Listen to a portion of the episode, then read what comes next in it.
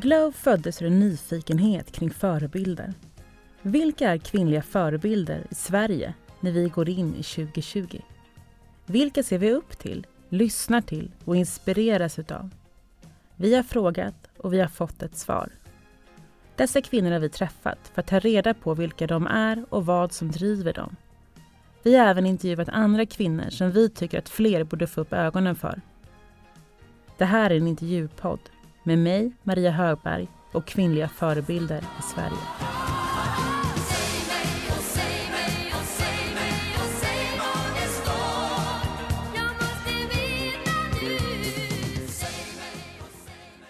Det finns många teorier om vilken kost som är bäst för oss människor. Det finns kost som gör våra hjärnor glada.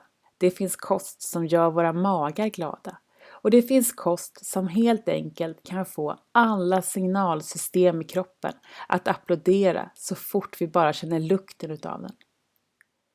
Kost kan vara det enklaste i världen, men det kan också vara så komplicerat att det går att skriva tusentals böcker om just vad vi ska äta. Vissa väljer kost utifrån vad man är sugen på och andra utifrån bästa bränslet för kroppen och vissa för att undvika problem. Det finns forskning och det finns teorier och det finns svar. Massa svar. Något som har fungerat för Erika Palmkrans är Rawfood och i dagens avsnitt har vi bjudit in henne med öppna armar för att lära oss mer om den kost som hon har ätit ända sedan 2005 och som har förändrat hennes liv. Idag ses hon som Sveriges okrönta råfoddrottning. Hon föreläser, skriver böcker och undervisar. Erika är en självklart förebild inom hennes profession och det är med varm hand vi hälsar henne varmt välkommen hit.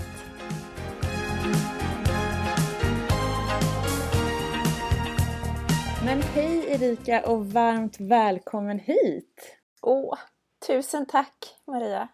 Ja, men hur mår du idag? Ja, nej men det är strålande sol och nej men det är en fantastisk dag. Men du är ju expert inom raw food. Vad är det för någonting? Ja, det är ett sätt att eh, äta men det blir också ett sätt att, att leva. Så att jag brukar säga att det är en hel livsstil. Ehm, men att den börjar på tallriken egentligen. Så att eh, själva rawfood-begreppet är att man inte, det är eh, vegetarisk eller vegansk mat eller växtbaserad, eh, kärt barn har många namn, eh, som inte upphettas över 42 grader för att bevara maximalt med både enzymer och vitaminer och livskraft i maten som påverkar oss på olika sätt. Och vad, liksom, vad fick du liksom intresset för det här och hur, eh, ja, men hur eh, fick du kunskap om, om allt det här från början? Ja, jag var helt faktiskt omedveten vad jag gav mig in på. Tanken var bara, jag hade satt, jobbade på ett kontor och eh, jag har alltid varit lite hälsointresserad och jag var utbildad PT men jag jobbade på ett kontor och då åt man ju såhär låg GI-kost eh, mestadels. Och jag kände fortfarande att jag hade obalanser i kroppen. Svullen mage, la på mig vätska, kunde gå upp i vikt ganska fort och alltid den här både blodsockerkurvan med den här bullriga magen som, och det är ju egentligen där vårt välmående börjar i magen. Så den var, jag hade alltid ont i magen mer eller mindre och var också sådär förkyld då och då, ont i huvudet. Jag kände inte den här krispigheten till livet, glädjen till livet. Så att jag kände att jag måste förändra någonting i mitt liv. Och eh, då kom jag i kontakt med min kusin som jag inte hade träffat sedan jag var 11 år. Och det mm. var, jag var 27 år då. Mm. Eh, så jag tänkte ja, men jag åker dit för hon bodde två timmar utanför Los Angeles och tar hand om hennes barn. För jag visste att hon drev ett eget företag tillsammans med sin man och hemskolade fyra barn. Så det är man ganska busy. Och då tänkte jag men jag åker dit. Jag har aldrig gjort au pair-svängen så jag kände att nej, men jag åker dit. Och eh, jag, eh, hon sa ju det, men du vet att vi bara äter raw food? Och jag är såhär, ja, ja, ja, det har jag hört talas om. Och varit lite svarta fåret i släkten, att de käkar apelsiner och bor på madrasser, sådana hippisar i Kalifornien, hon och hennes man. Men, mm. så, och de hade en hemsida då som hette The Garden Diet, så de jobbade med raw food. Så att då kikade in på hemsidan och tänkte men gud kan man bara leva på nötter och frukt och frön? Fattar ingenting.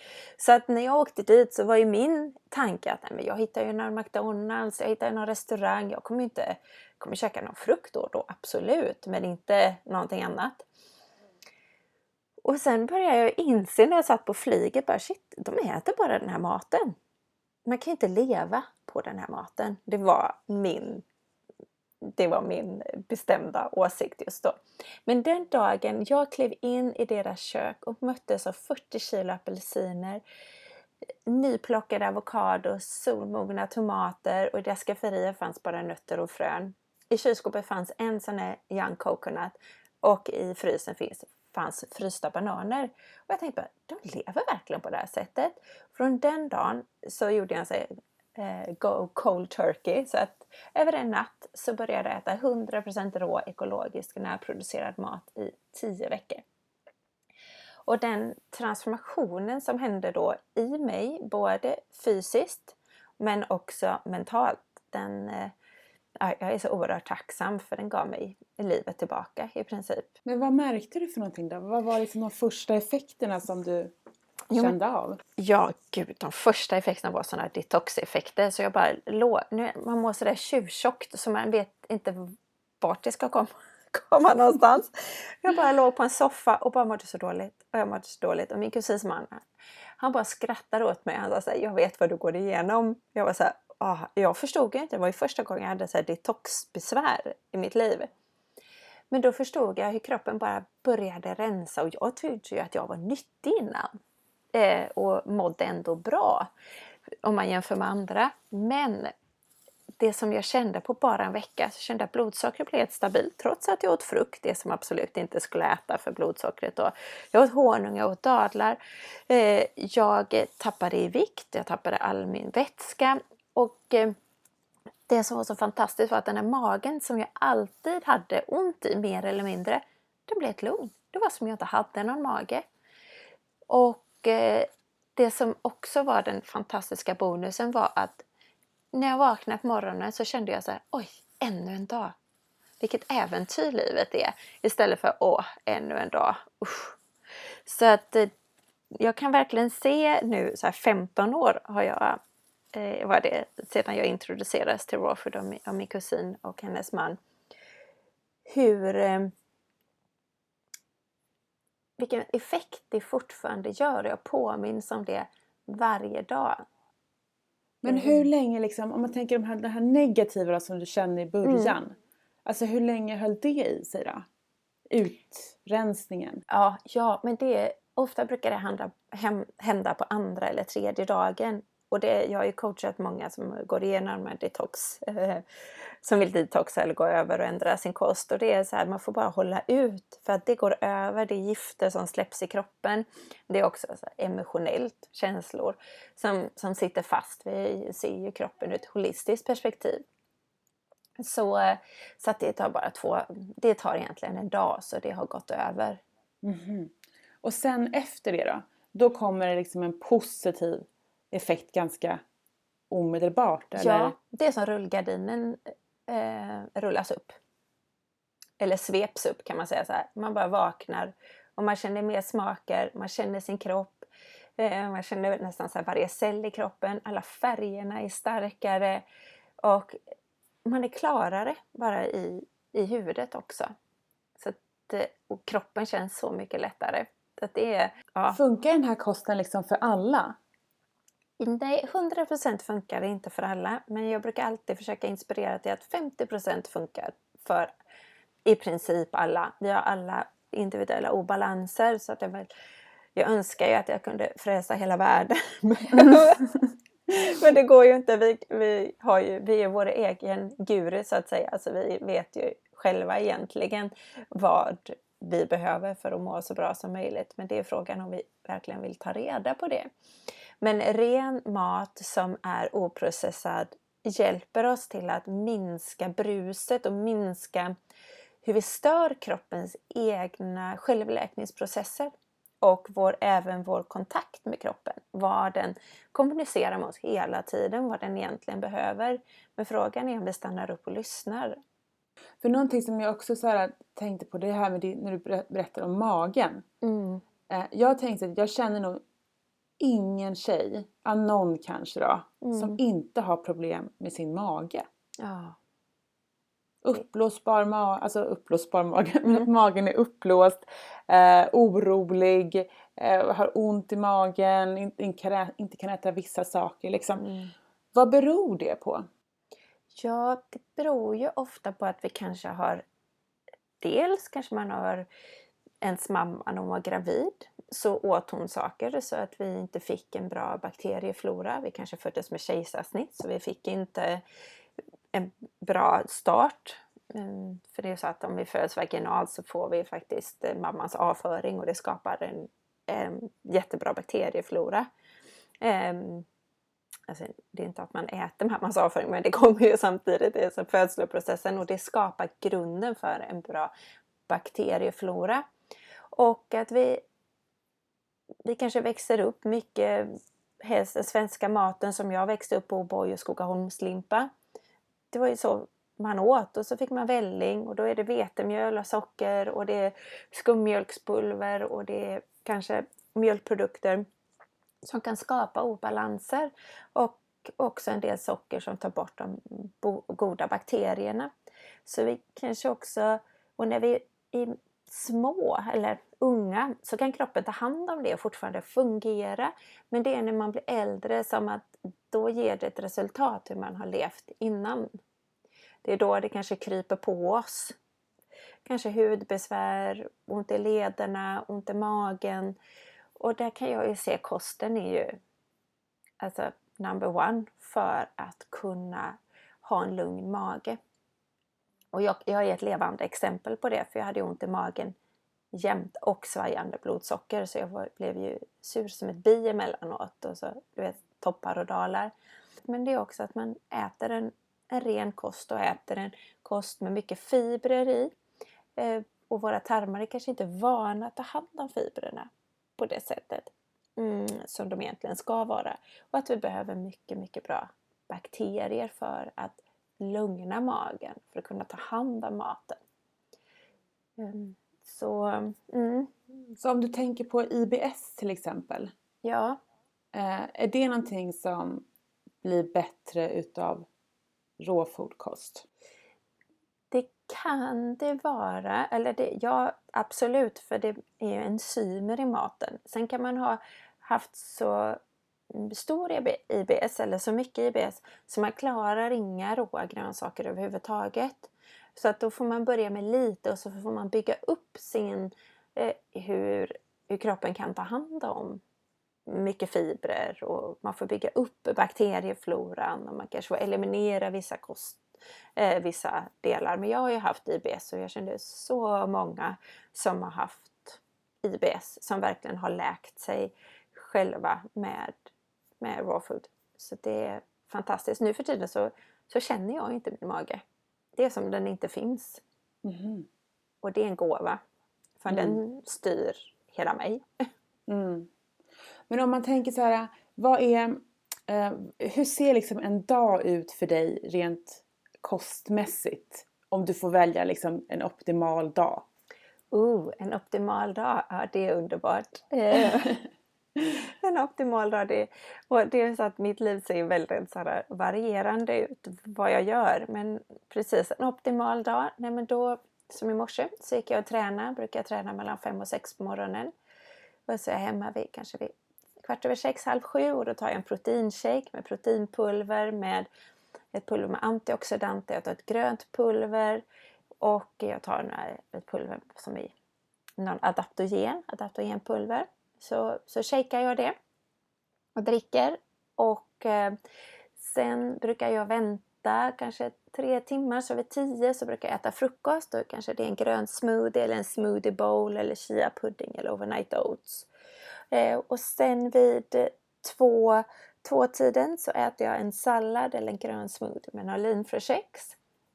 Och sen på eftermiddagen så gör jag min egen adaptogenchoklad för att pick me up på, på eftermiddagen. Vad är det då? Eh, jag, ska, jag gör min egen choklad med rena ingredienser med kakaosmör, kakaomassa och så har jag olika adaptogena pulver i som reishi eller chaga eller olika slags pulver som, som påverkar hur jag kan hantera, hantera stress. Man kallar det för kroppens antistressvitaminer egentligen. Och eh, så då gör jag min egen choklad. Så tar jag ofta en chokladbit och dricker en kombucha. Och sen på, på kvällen så kanske det blir att jag äter en raw food-rätt. Kelpnudlar med någon raw tomatsås och kanske någon rå parmesan. Och på, på kvällen så kanske jag dricker något eh, eh, golden milk eller något långpepparte eller något te som gör att jag lugnar kroppen. Och så, så går jag och lägger mig vid, kanske vid tio. Ja, men det är ganska mycket pulver då som man använder. ja, men det, det har ju blivit så att jag har skapade, jag var faktiskt en av de första som importerade rå kakaopulver, hampafrön, gojibär, chiafrön till Sverige eh, för 12 år sedan ungefär. Innan det ens hade kommit ut i affärerna. Så jag hade min egen produktlinje och skapade den och sålde den under åtta år. Eh, och då blir det att man det som jag pratar om mycket när jag är ute och föreläser är att minska belastningen på kroppen. Också minska kanske vad magen behöver arbeta med. Så att när man har olika, jobbar med olika slags kanske då pulver så är det för att man ska ge maximalt med näring men man ska ha minimal belastning för kroppen. Så det, och det är också det hur vi belastar kroppen både genom att äta för mycket, då belastar vi våra inre organ. Och eh, vi, då kan vi också, överätning är ju ofta att man går upp i vikt. Och det är skitsvårt i det här dagens samhälle när det är så mycket mat. Eh, och att vi också det, får dopaminkickar av att tillfredsställa ett, eh, ett behov omedelbart. Och vi kan göra det för det, alla affärer är öppna i princip. Men inte dygnet runt men de är öppna väldigt mycket. Så att jag blev sugen på glass och köper glass. Jag blir sugen på en kaffe, jag tar en kaffe. Jag är sugen på en pizza, jag köper pizza. Så att då blir det att vi instant ger oss en eh, en dopaminkick. Ett, så att eh, vi, vi mår bra istället för att kanske sitta lite med det och det är det som jag tycker är häftigt. Man gör en detox eller man fastar. Så därför så vill jag minska belastningen på kroppen men ändå maximera näringen. Och det är det man gör med de här olika pulvren då som jag brukar eh, äta dagligen. Mm. Men äter du då mindre portioner för att du får i dig eh, näring och det vitaminer och sånt i de här pulverna. Precis, så kroppen blir väldigt nöjd med ganska lite. Och det är det som är så förvånansvärt. Att man, jaha, jag är mätt, hur kunde jag bli mätt på en shake med lite pulver? Och, och det är inte så att jag vill man ska inte gå på pulver. Det blir lite lätt att man gör, man gör det för att jag blir nöjd. Eh, det kanske är så att inte tuggandet blir nöjd eller att man sitter ner och delar en måltid. Det behövs ju det också. Vi behöver mycket fibrer, vi behöver probiotika, probiotika. Så att, eh, men det är sånt som man bjuder in efterhand när man har lagt basic med frukt och grönt och vet hur man ska tillreda det. Mm. Men jag tänker också så här, för att det är många som har provat och även jag så här, under perioden så här, Nutrilett shakes eller så här, dieter som bara är pulver. Mm. Och då kände jag ju ingen tillfredsställelse alls. Det höll Nej. ju bara i någon dag eller två. Det var ju liksom, jag var ju hungrig. Jag tänkte ju bara på mat. Ja, det är då man sitter och bara frossar i matböcker. Ja. Mot reglar. Ja. Jo men ju precis och jag gjorde ju faktiskt det för att jag under ett år så skapade jag tre olika böcker. Och då provlagade jag och provsmakade och lagade upp till fotograferingar och åt igen. Så jag lagade ungefär 500 recept. Och det var sådär att då hade jag ätit för mycket, fortfarande nyttig mat men för mycket. Så då hade jag gått upp 5 kilo och då var det så här, nu får jag skärpa mig eller så får jag köpa nya brallor. Och då tänkte jag, men det är lättare och billigare att skärpa mig än att jag ska köpa en ny garderob.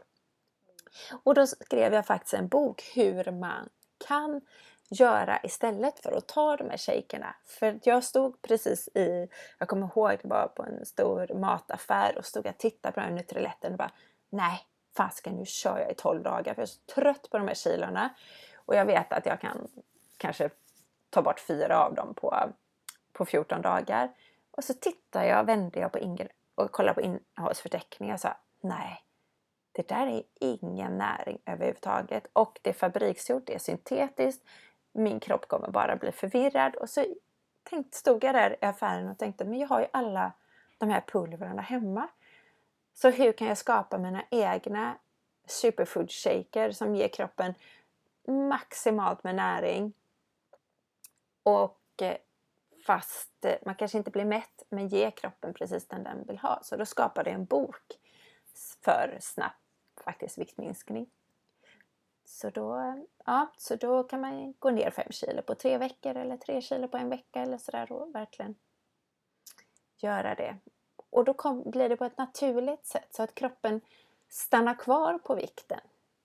Mm. Än att det blir det här jojo.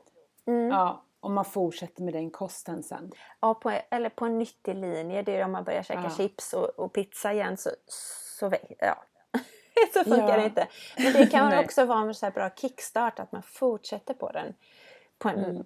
bättre bana. Mm. Men du pratar ju också om att det är en livsstil. Mm. Det är mm. inte bara kost utan det är en livsstil. På vilket sätt, eh, på vilket sätt är det det? Ja, första steget är ju att när man tänker på eller blir mer medveten om vad man lägger på tallriken då tänker man också vad är det för råvaror? Var kommer råvarorna ifrån? Är de ekologiska? Vem har odlat dem? Hur har jorden sett ut där de har vuxit i? Och sen kommer livet emellan och då får man stanna vid eh, kvartersbutiken och köpa någonting. Men att man har den medvetenheten med sig. Var kommer min mat ifrån egentligen? Vem har tagit fram min mat? Hur har den personen mått? Och vad gör den här maten? Vad lämnar den för, för footprints? Vad gör den för jag vill att den ska göra så lite klimatpåverkan som möjligt exempelvis. Eh, och det är det trendigaste i LA just nu, det är att know your farmer. Det är att man ska veta precis var sin mat kommer ifrån. Och det är en medvetenhet, så bara genom den medvetenheten om vart kommer min mat ifrån och hur känns det när jag äter den? Då är det också, vad är det jag smörjer på min kropp? Är det, vad, använder jag parfymer eller kan jag använda eteriska oljor som parfym? Behöver jag massa olika kroppslotioner eller räcker det med kokosolja? Behöver jag tvätta håret varje vecka? Eller flera gånger varje vecka? Kan jag köpa smink som kanske är naturligt?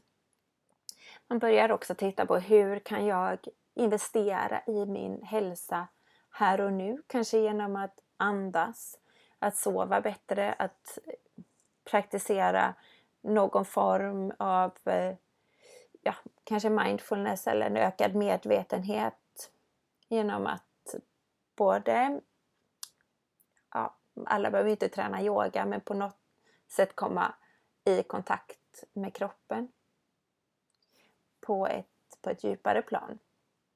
Och sen, eh, ja, så jag tror att det är den här ökade medvetenheten. Det är också det man köper kläder. Behöver jag köpa de här kläderna eller har jag kläder?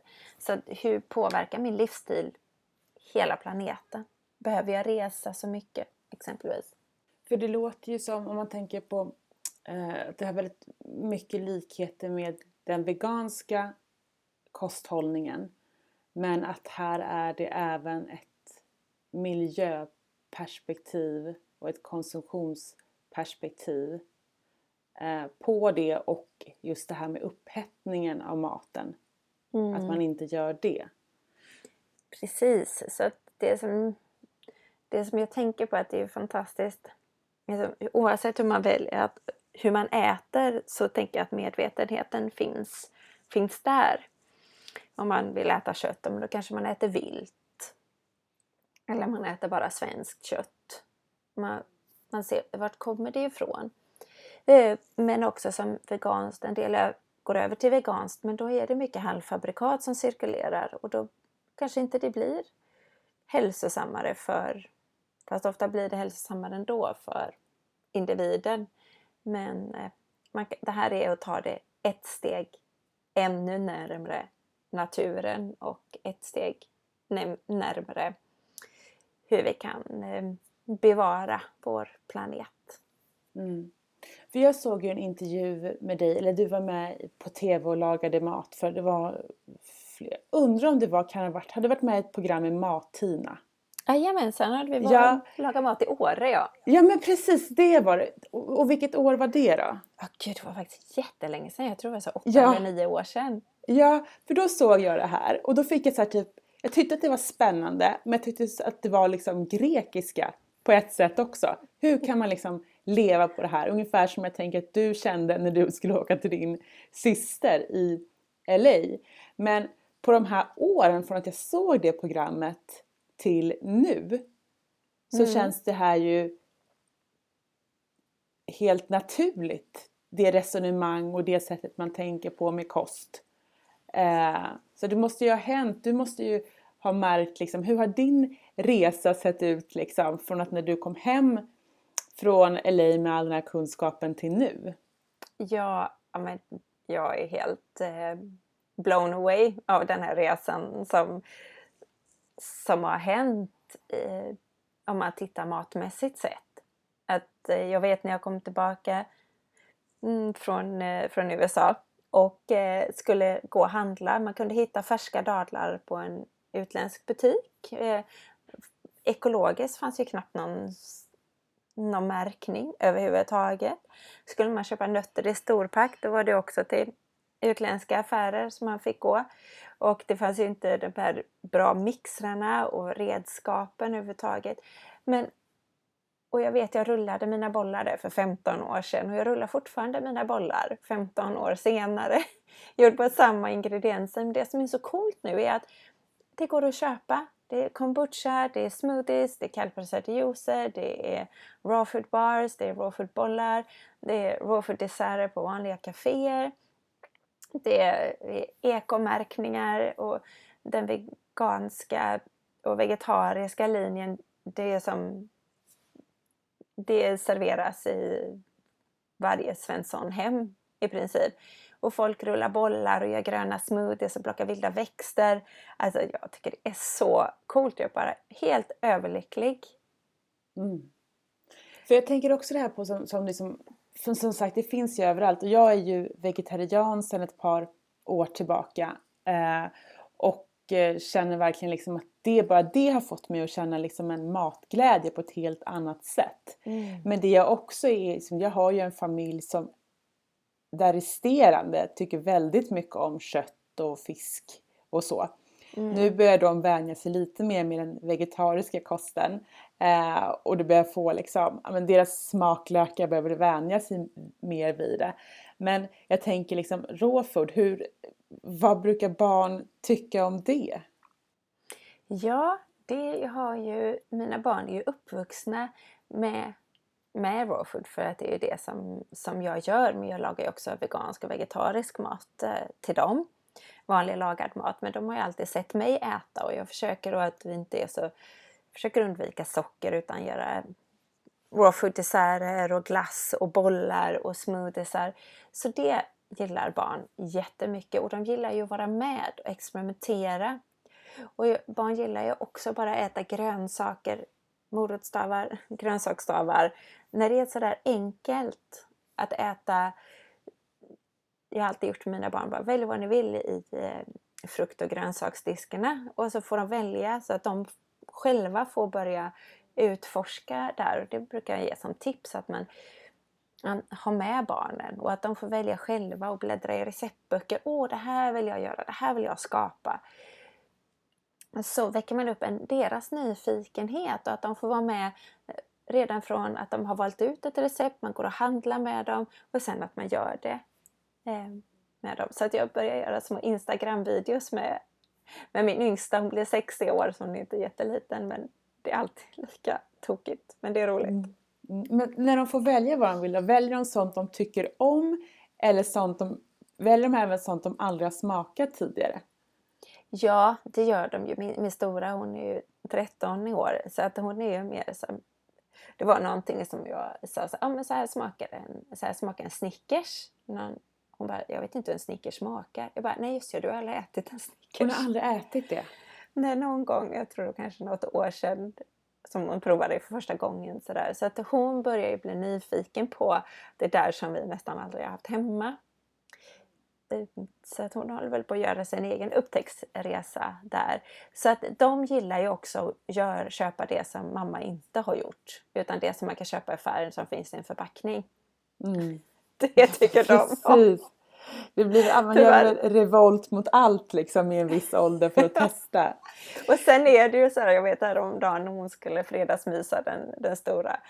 Och, då, och jag, hon sa, ah, har vi något gott hemma? Nej, eller ja, hon sa, har vi chips hemma? Nej, vi har inga chips hemma. Men jag har gröna linsgroddar. Ah, jättegott, sa hon. Och så satt de där och åt gröna linsgroddar vid fredagsmyset och morotsstavar och drack kombucha. Så att de är ju så vana vid det. Ja, deras kroppar säger också till. Men vad är liksom de, alltså om man tänker typ, vad är de farligaste, eller inte farligaste, vad är de största misstagen man gör eh, när, man, när man tror att man handlar bra men man inte gör det? Förstår du frågan? Ja. Alltså, ah. Det är att man köper ett varumärke. Eh, att man tror att Åh, den här personen står verkligen för eh, bra saker och så stoppar man ner det i korgen och så kommer man hem och så vänder man på förpackningen och så bara nej, där har de petat in massa nya ingredienser. Eller som man inte ens känner igen. Så att det gäller ju att det är det som jag tycker är så coolt med raw food. En morot är en morot. Det är inte så mycket mer i det. Så att, att köpa så mycket hela och rena råvaror som möjligt och så lite, lite färdiga råvaror som, som möjligt. Det är väl det som är att man tror att oh, shit, nu, nu köper jag detta och det är supernyttigt och så vänder man på förpackningen och så läser man så men jag känner mig lura, lurad. Så det är väl det jag tänker att det tar tid kanske att lära sig, som du sa att det känns som hela grekiskan, att hur, bara hur man ska göra maten. Men det är också att det går så snabbt och så enkelt men det är ett, det är ett nytt sätt att lära sig att laga mat. Mm. Och när du blir bortbjuden på middag och sådana saker då? Mm. För jag kan ju bara känna ibland att bara nu när jag är vegetarian så, så tycker liksom det blir lite svårt att säga, jaha men vad ska du äta nu då? Fast ja. det ändå är så vanligt eh, med den kosthållningen. Ja, ja, jag brukar ju säga till, eller jag brukar ha så vegansk, eh, vegansk glutenfri och sockerfri mat brukar jag fråga om det går att göra. Men ofta brukar jag ta med mig också. Att jag tar med mig mat, jag tar med mig dessert. För ofta kanske det är desserten som kan vara svår att göra på, på ett annat sätt. Eh, för de kanske bakar en kladdkaka eller man har glass. Eller, så då tar jag med desserten så har man safeat det. Eh, och sen då äter jag lagad vegetarisk mat. Och så men jag också säga att jag brukar inte lägga så mycket fokus på maten utan jag kan gå bort och säga att jag är nöjd med en apelsin. Ge mig ett glas vatten, jag är här för er skull. Sen är ju mat mycket att umgås och dela och njuta. Mm, men ah, jag har levt med det så länge så att jag tänker inte så mycket på det. Du gör inte det till ett problem? Nej, utan jag ser med möjligheter och så det är inte någonting jag kan äta men det finns alltid jag brukar alltid äta garneringen. Mm. På julbord och sånt. Men då plockar jag allt det som, som är där för att det ska vara snyggt. det äter jag. Ja, och då är det bara bra att det inte finns många som har den kosthållningen. För då räcker ju inte Nej, men, precis. Nej. men om man skulle vilja komma igång då liksom. Om man mm. tänker så här, men jag, alltså, jag vill testa på det här. Uh, hur, liksom, hur kommer man igång och hur länge måste man hålla på innan man känner att man får de här positiva effekterna? Ja. Ja, det bästa var ju för att när man, när man börjar, man är så men jag vill gå all, all raw, jag vill göra det här 100% antingen allt eller inget. Och jag tror att man får se till sig själv, vem är man som person? Är man en sån som jag måste göra det 100% annars kommer jag inte göra det? Eller får man lura sig själv in i det? Och jag tänker också att när man börjar så börjar man för resten av livet. Man börjar inte för att man ska sluta. Så det är där jag försöker inspirera till. Att börja bjuda in successivt. Ja, prova att bara äta rå frukostar i en månad. Hur kändes det? Prova att ta bort alla sötsaker och bara äta rå sötsaker i en månad. Hur kände du då? Hur att bara bjuda in det gröna, göra en grön smoothie, käka grön sallad, dricka grön juice, mm, få i sig någonting grönt varje dag. Och så att jag känner att och sen börja vara nyfiken på att laga måltider med raw food. Men det kan vara lite komplicerat och då ska hela familjen äta ihop och så blir det, blir det jobbigt helt enkelt. Och då, då fortsätter man inte. Men då kan man också tänka sig om man ser kanske som du som ett exempel. Du lever med din familj och hur ska du kunna börja med det här? Då kan du se, okej, okay, frukosten äter jag kanske när jag kommer till jobbet. Ja, men då kan jag göra en smoothie och ta med mig eller en chia-pudding. Och lunchen, den styr jag också över. Men då kan jag göra en stor härlig sallad. Och mellanmålet, ja, då kan jag göra råbollar och ta med mig. Och sen så äter du vanlig middag med familjen på kvällen. Så då kan man också tänka sig om man är en person i en familj som ska göra förändringen. Men jag vet ju att när jag gör både till min familj, ja men här är en smoothie till dig, här är det här, så äter ju de mer rå bara för att för att jag gör till dem också. Mm. Och, Sen kan jag ju också märka faktiskt en sak typ med, med min familj. Att om jag gör någonting bara till mig. Mm. Då är de ju mer nyfikna på att smaka också. Ja, alltså, då, tycker, då är det så här, vad är det du sitter med för hemlighet egentligen som inte vi får smaka på? Och då är det ja, så här, vill du smaka? Ja, och då vill de provsmaka det. Och bara, ja men det här var gott. Mm. Än att jag så här, ställer fram ett stort smoothieglas till dem och bara, men nu dricker ni upp det här för det här är liksom, det här är ja. jättegott. Då är inte det lika intressant men det här Precis. man inte får det blir också mer intressant. Ja och sen så säger jag helst med barn, det så här, hota och muta får man göra. Mm. Det är så här, äter du inte sukor blir det ingen lördagsgodis. Så enkelt Nej. är det. Vi måste mm. ha lite goda bakterier för att kunna ta hand om de onda. Så är det. Mm. Så att man förklarar maten. Men jag tänker det ska bara återkoppla till hur lång tid det tar att få, eff få effekt. Och där mm. brukar jag alltid prata om att det minsta man kan göra för att känna att man ändå får lite mer energi och känna att man kickar igång kroppens egen, man brukar kalla det för självläkningsprocess. Ehm, det är att man får in 50% under en, det man äter en dag ska vara raw. Då börjar man känna en, en uppskruvning i sin energi. Man kan känna att magen kanske är lugnare eller så blir den inte lugnare för man är inte så van vid fibrer så då kan den bullra lite innan den vänjer sig. Men vill man göra en ännu större eh, skillnad så är det bra att man går upp till 80 och bjuder in 80 raw food. Men då, då, krävs det tid och engagemang och att man sätter sig in i olika recept och ja, lagar mat på ett helt nytt sätt.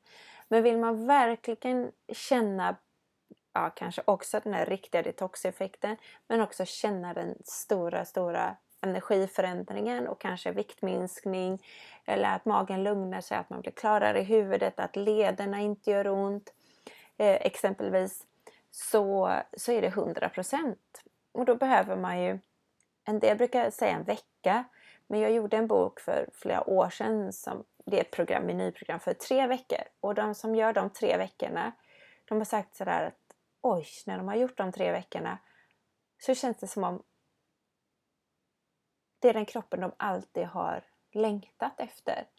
I lätthet och smidighet och att de är i kontakt med sin kropp och att de är så att jag längtar alltid tillbaka till den känslan, säger de. Och att det är som rullgardinen rullas mm. upp.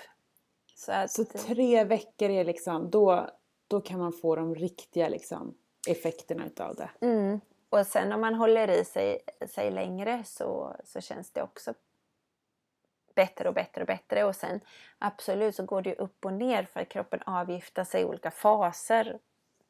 Mm. Så att, ehm, nej men också att jag säger också att alltid ta det i sin egen takt för att du har börjat för att inte sluta.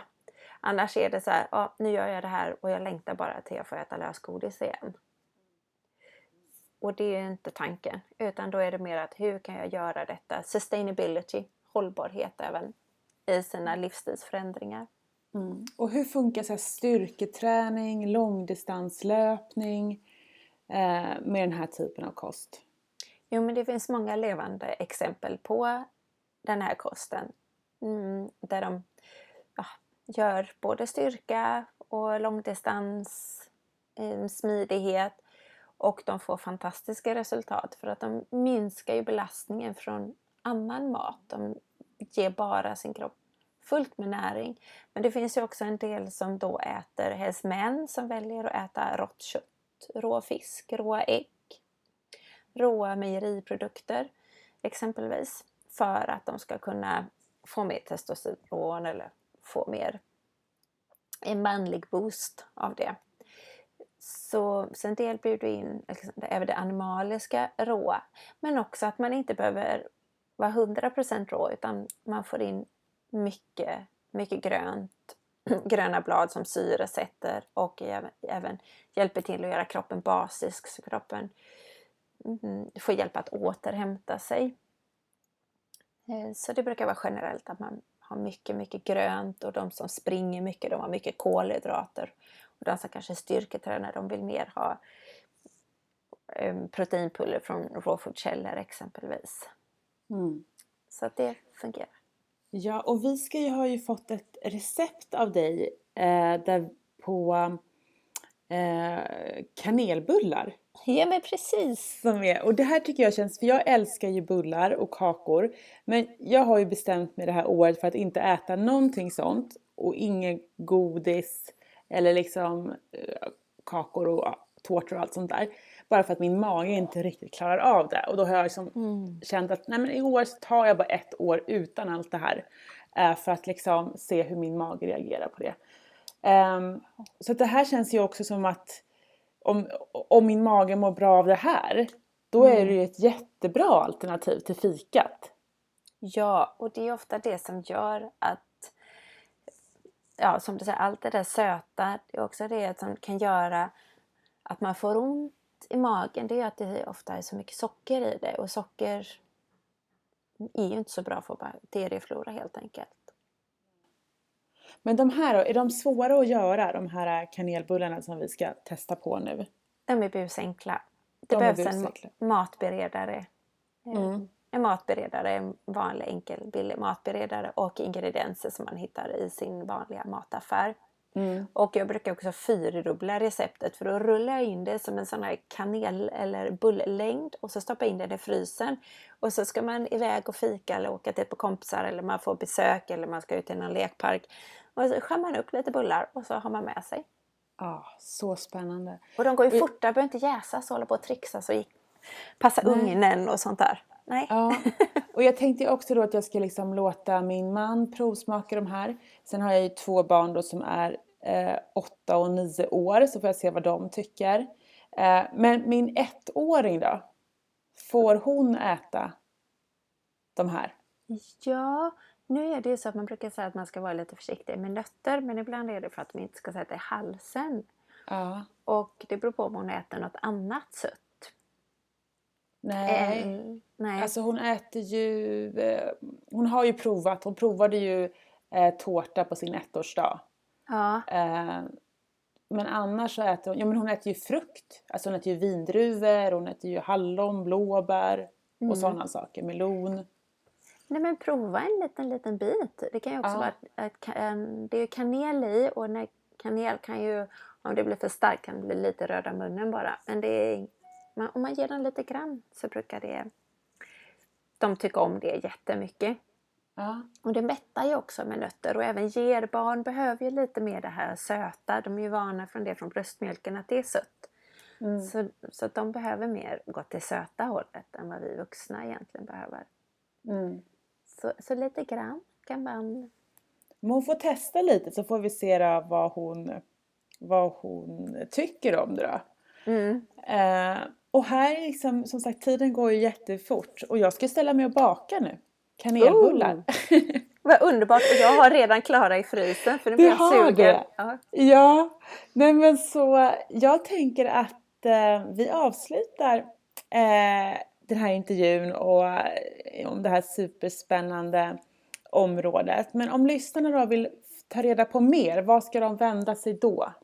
ja, jag finns eh, både på Instagram, Facebook och så har jag en hemsida. Så är Raw Food by Erika Mm. är det de kan, kan söka, söka på. Och sen så finns ju, jag har skrivit 11 böcker och de finns ju på, på bokhandlar, Ja, nätet och fysiska. Och sen så kan vi ju länka det här, liksom skriva det här receptet också Ja. eh, nedanför för alla andra som blir supersugna på kanelbullar här. Ja, och där har jag ett klipp eh, på Youtube hur man faktiskt Mm. gör dem. Ja men vad bra, då kan jag kolla på det först också. Mm. Det är toppen. Ja, men då hittar vi det. Men då får jag önska dig en fortsatt härlig dag i sommarsolen. Ja, och varmt, varmt tack för att jag fick vara med. Jag har redan provat många av Erikas recept och tror att jag nu, efter intervjun, ska prova att laga ett till. Och det här var allt från intervjun med Erika Palmkrans och vi vill önska er en underbar dag